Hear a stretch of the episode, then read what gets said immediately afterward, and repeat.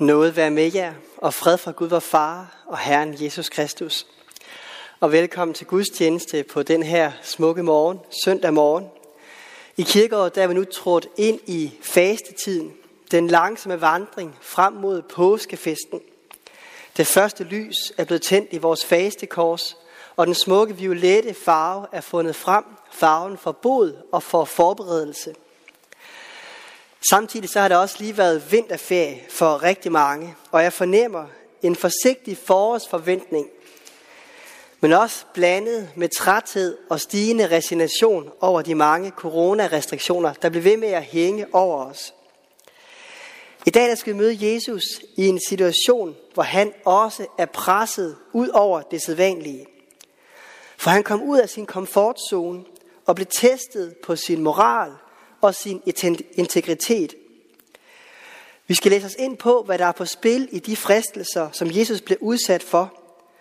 Og så skal vi trække nogle tråde både frem til Jesu korsfæstelse og frem til vores liv i dag. Men lad os først begynde med at lægge vores liv og gudstjenesten i Herrens hænder.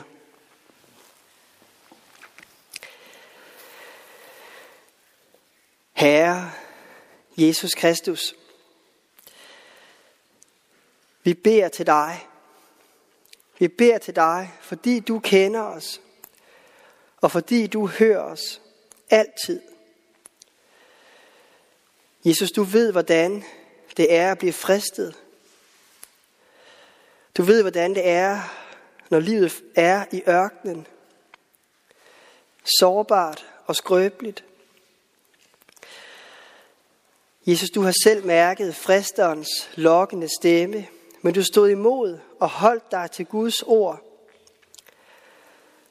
Og herre, vi beder dig, vær hos os, når vi bliver fristet. Vær hos os, når vi er i ørkenen. Hold os fast ved dit levende ord. Hold os fast ved dit nærvær og ved din sandhed.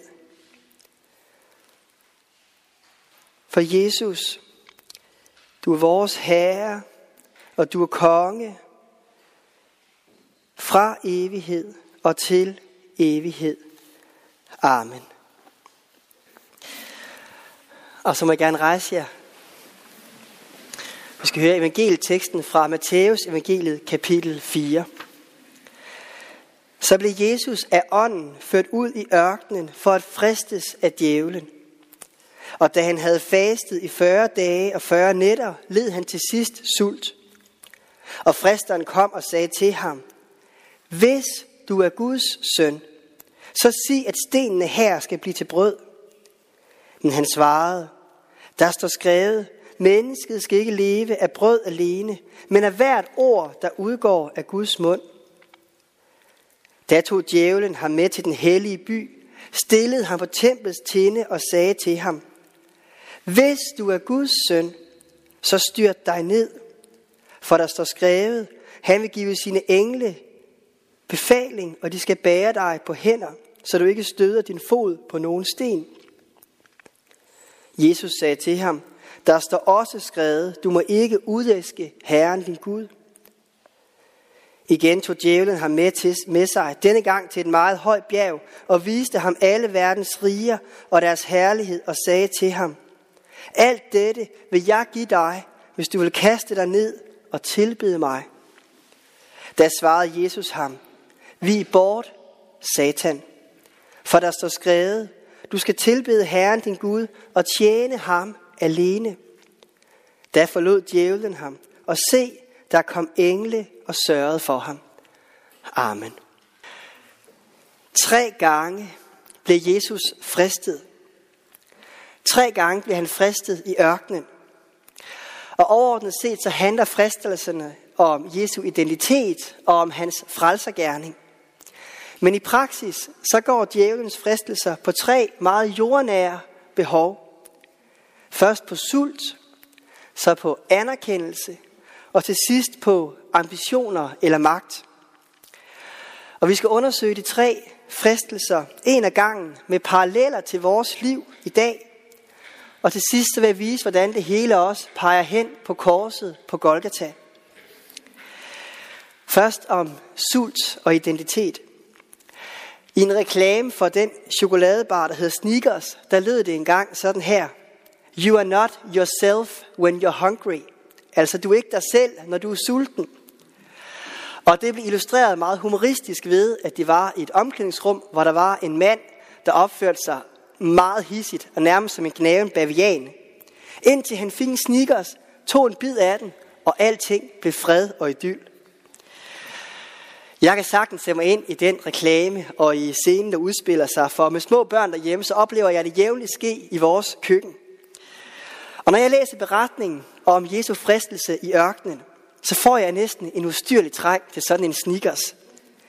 For efter 40 dage i ørkenen med faste, så led han til sidst sult, fortæller skriften. Det kan jeg godt forstå, og jeg synes, det lyder helt vildt. Jeg har også prøvet at vandre i en ørken i Israel. Godt nok kun i tre døgn og uden at faste.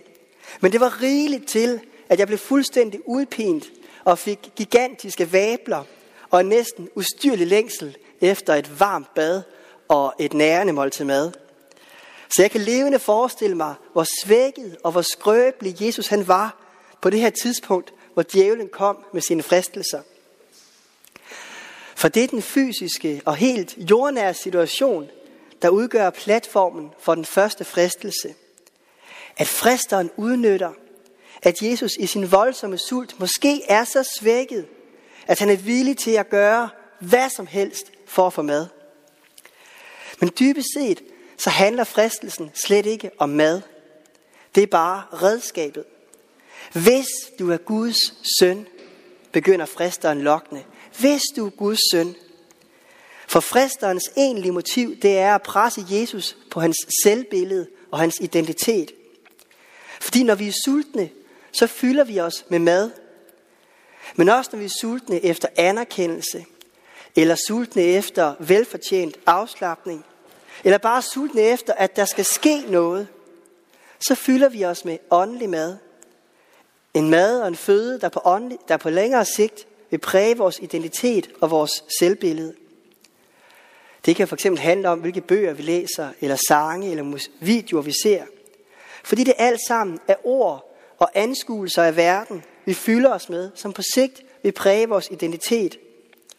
Eller for at sige det med et slogan fra P3, det man hører, er man selv. Og derfor svarer Jesus, at mennesket skal ikke leve af brød alene, men af hvert ord, der udgår af Guds mund. Fordi vi er sulten efter identitet og trøst og fred, også må søge Bibelen og bønden og det kristne fællesskab. Og da tog djævlen Jesus med hen til den hellige by, stillede ham oppe på templets tjene og sagde atter til ham, hvis du er Guds søn. Igen blev Jesus presset på sin identitet. Den her gang er redskabet ikke fristelsen efter mad, men derimod en sult og en længsel efter at få anerkendelse og berømmelse. Den konkrete scene udspiller sig på templets tjene i Jerusalem. Men ligesom sulten, så afspejler, afspejler den virkelighed, der kan komme til at gælde for os alle sammen, uanset hvor vi befinder os. At vi igen og igen måler vores identitet og vores værdi på det, som verden siger om os, frem for det, som Gud fortæller om os. Jeg har for eksempel en meget stor tillid til min ubetingede værdi som menneske, og at jeg er Guds barn, at det er min identitet. Det er lærdom fra søndagsskolen, som jeg kan sige næsten bedre end de tyske verber, jeg lærte i skolen. Men jeg er samtidig skræmt over, hvor skrøbelig jeg er, når jeg længes efter anerkendelse. Anerkendelse for det, jeg gør, for mit arbejde, for mine bedrifter. Fordi anerkendelse betyder bare ekstremt meget i vores kultur. Ja, alene det at få anerkendelse for en prædiken her i kirken kan blive et sårbart punkt.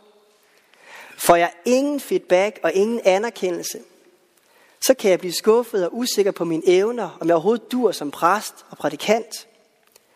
Men får jeg anerkendelse, så kan det også virke som et fix, der giver mig en ny skud energi, og tænker, så, så er det hele værd alligevel.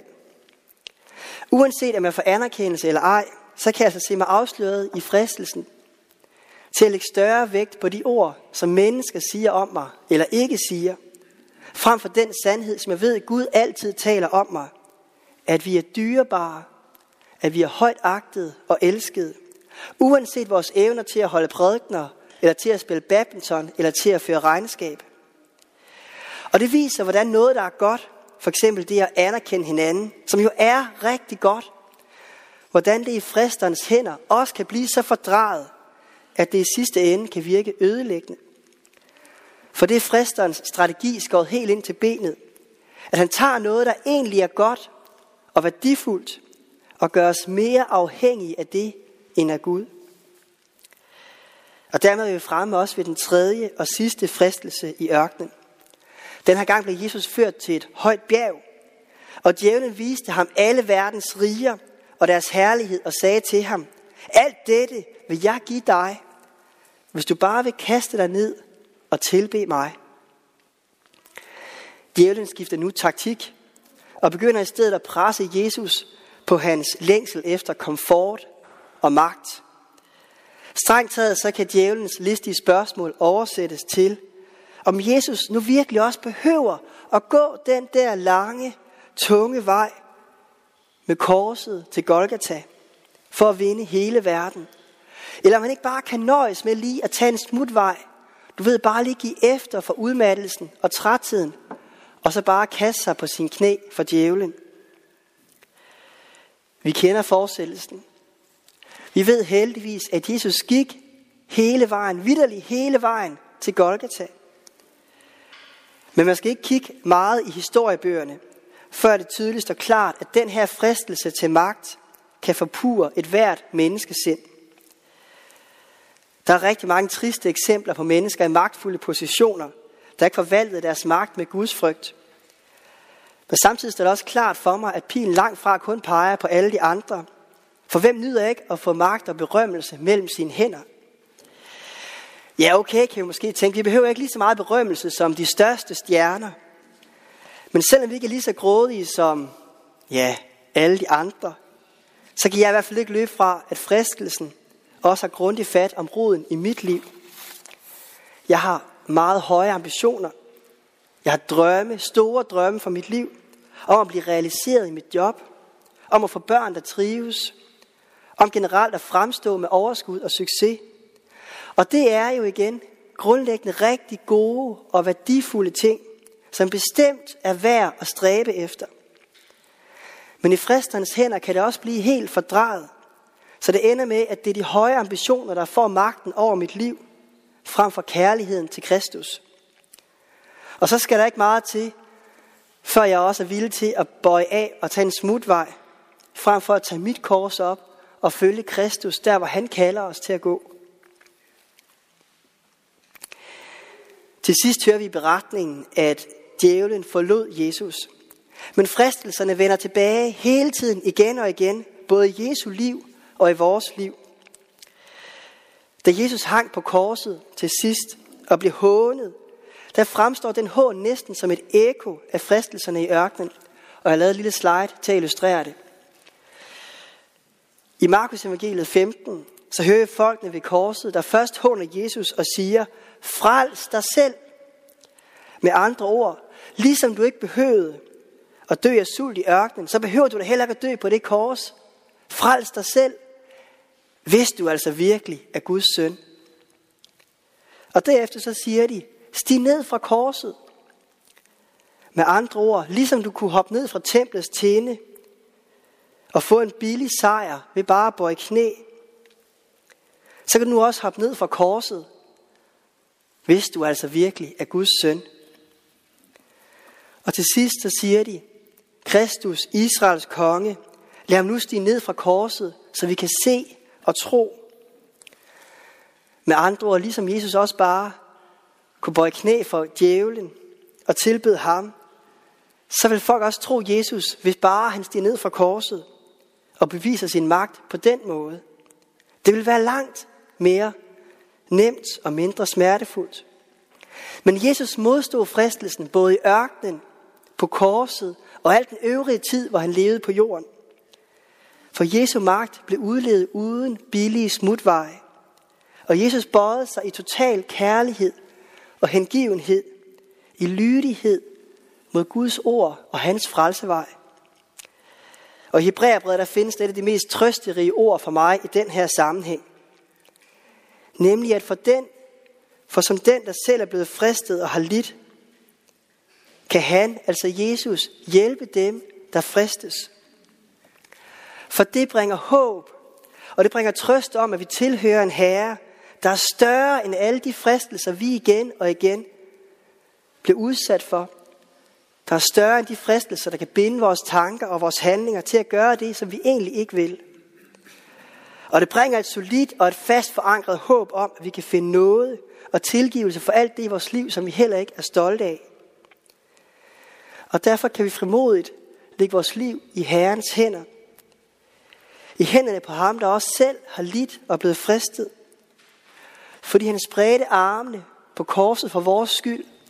Og de spredte og udstrakte arme er nu klar for at tage imod os, omfavne os, der hvor vi har brug for ham. Så lad os bede sammen. Herre Jesus, tak at du udstrakte dine arme på korset og gik hele den tunge vej. Tak at du modstod al fristelse i kærlighed og i hengivenhed til os. Og nu beder vi, led os frelser ved din nåde, også når vi selv vil råde og vil gå vores egen vej. Sæt os, hvor vi bedst kan gavne, men lad os aldrig savne vidshed, at vi tjener dig. Herre Jesus, vi beder for dem, der lider sult, for dem, der mangler mad, og meget af det vigtigste til at overleve. Her vil du bringe nødhjælp og omsorg til dem. Hvor de end er i verden, så beder vi, at du vil række føde og hjælp til rette tid. Her vi beder for dem, der savner anerkendelse. For dem, der ikke kender deres værdi. Og for dem, der ser ned på sig selv. Her vil du igen minde dem om, at de er elskede. At de er værdifulde. Og at de er dyrebare. Og jeg vil bede for dem, der har fået magt betroet. For alle folk i vores byråd. For dem, der er ansat i administrationer, i skoler, i børnehaver og vuggestuer. Herover alt, hvor mennesker samles, bliver der også fordelt en magt, og vi beder for de mennesker, der har magt i blandt os. Vil du give dem Guds frygt, visdom til at forvandle deres magt efter din kærlighed. Og vi beder også for dem, der kæmper med svær sygdom. Vi beder for dem, der ligger for døden, og for dem, der er ved deres side. Herre, vil du bringe helbredelse, og vil du bringe trøst og lindring. Og Jesus, vi beder også for dem iblandt os, der har mistet. Omslut dem i deres savn, og omslut dem med din barmhjertighed, og vis også os, hvordan vi kan gøre det samme. Og Jesus, mens vi nu er stille sammen, så beder vi også for de konkrete personer, som vi hver især tænker på.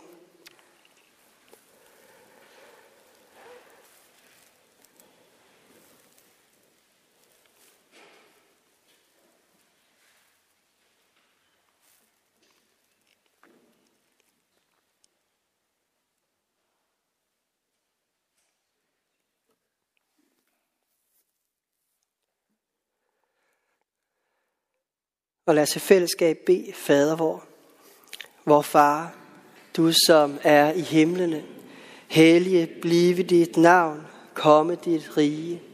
Ske din vilje som i himlen, således også på jorden.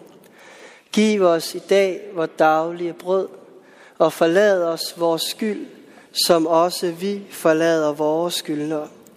Og led os ikke ind i fristelse, men fri os fra det onde, for dit er riget og magten og æren i evighed.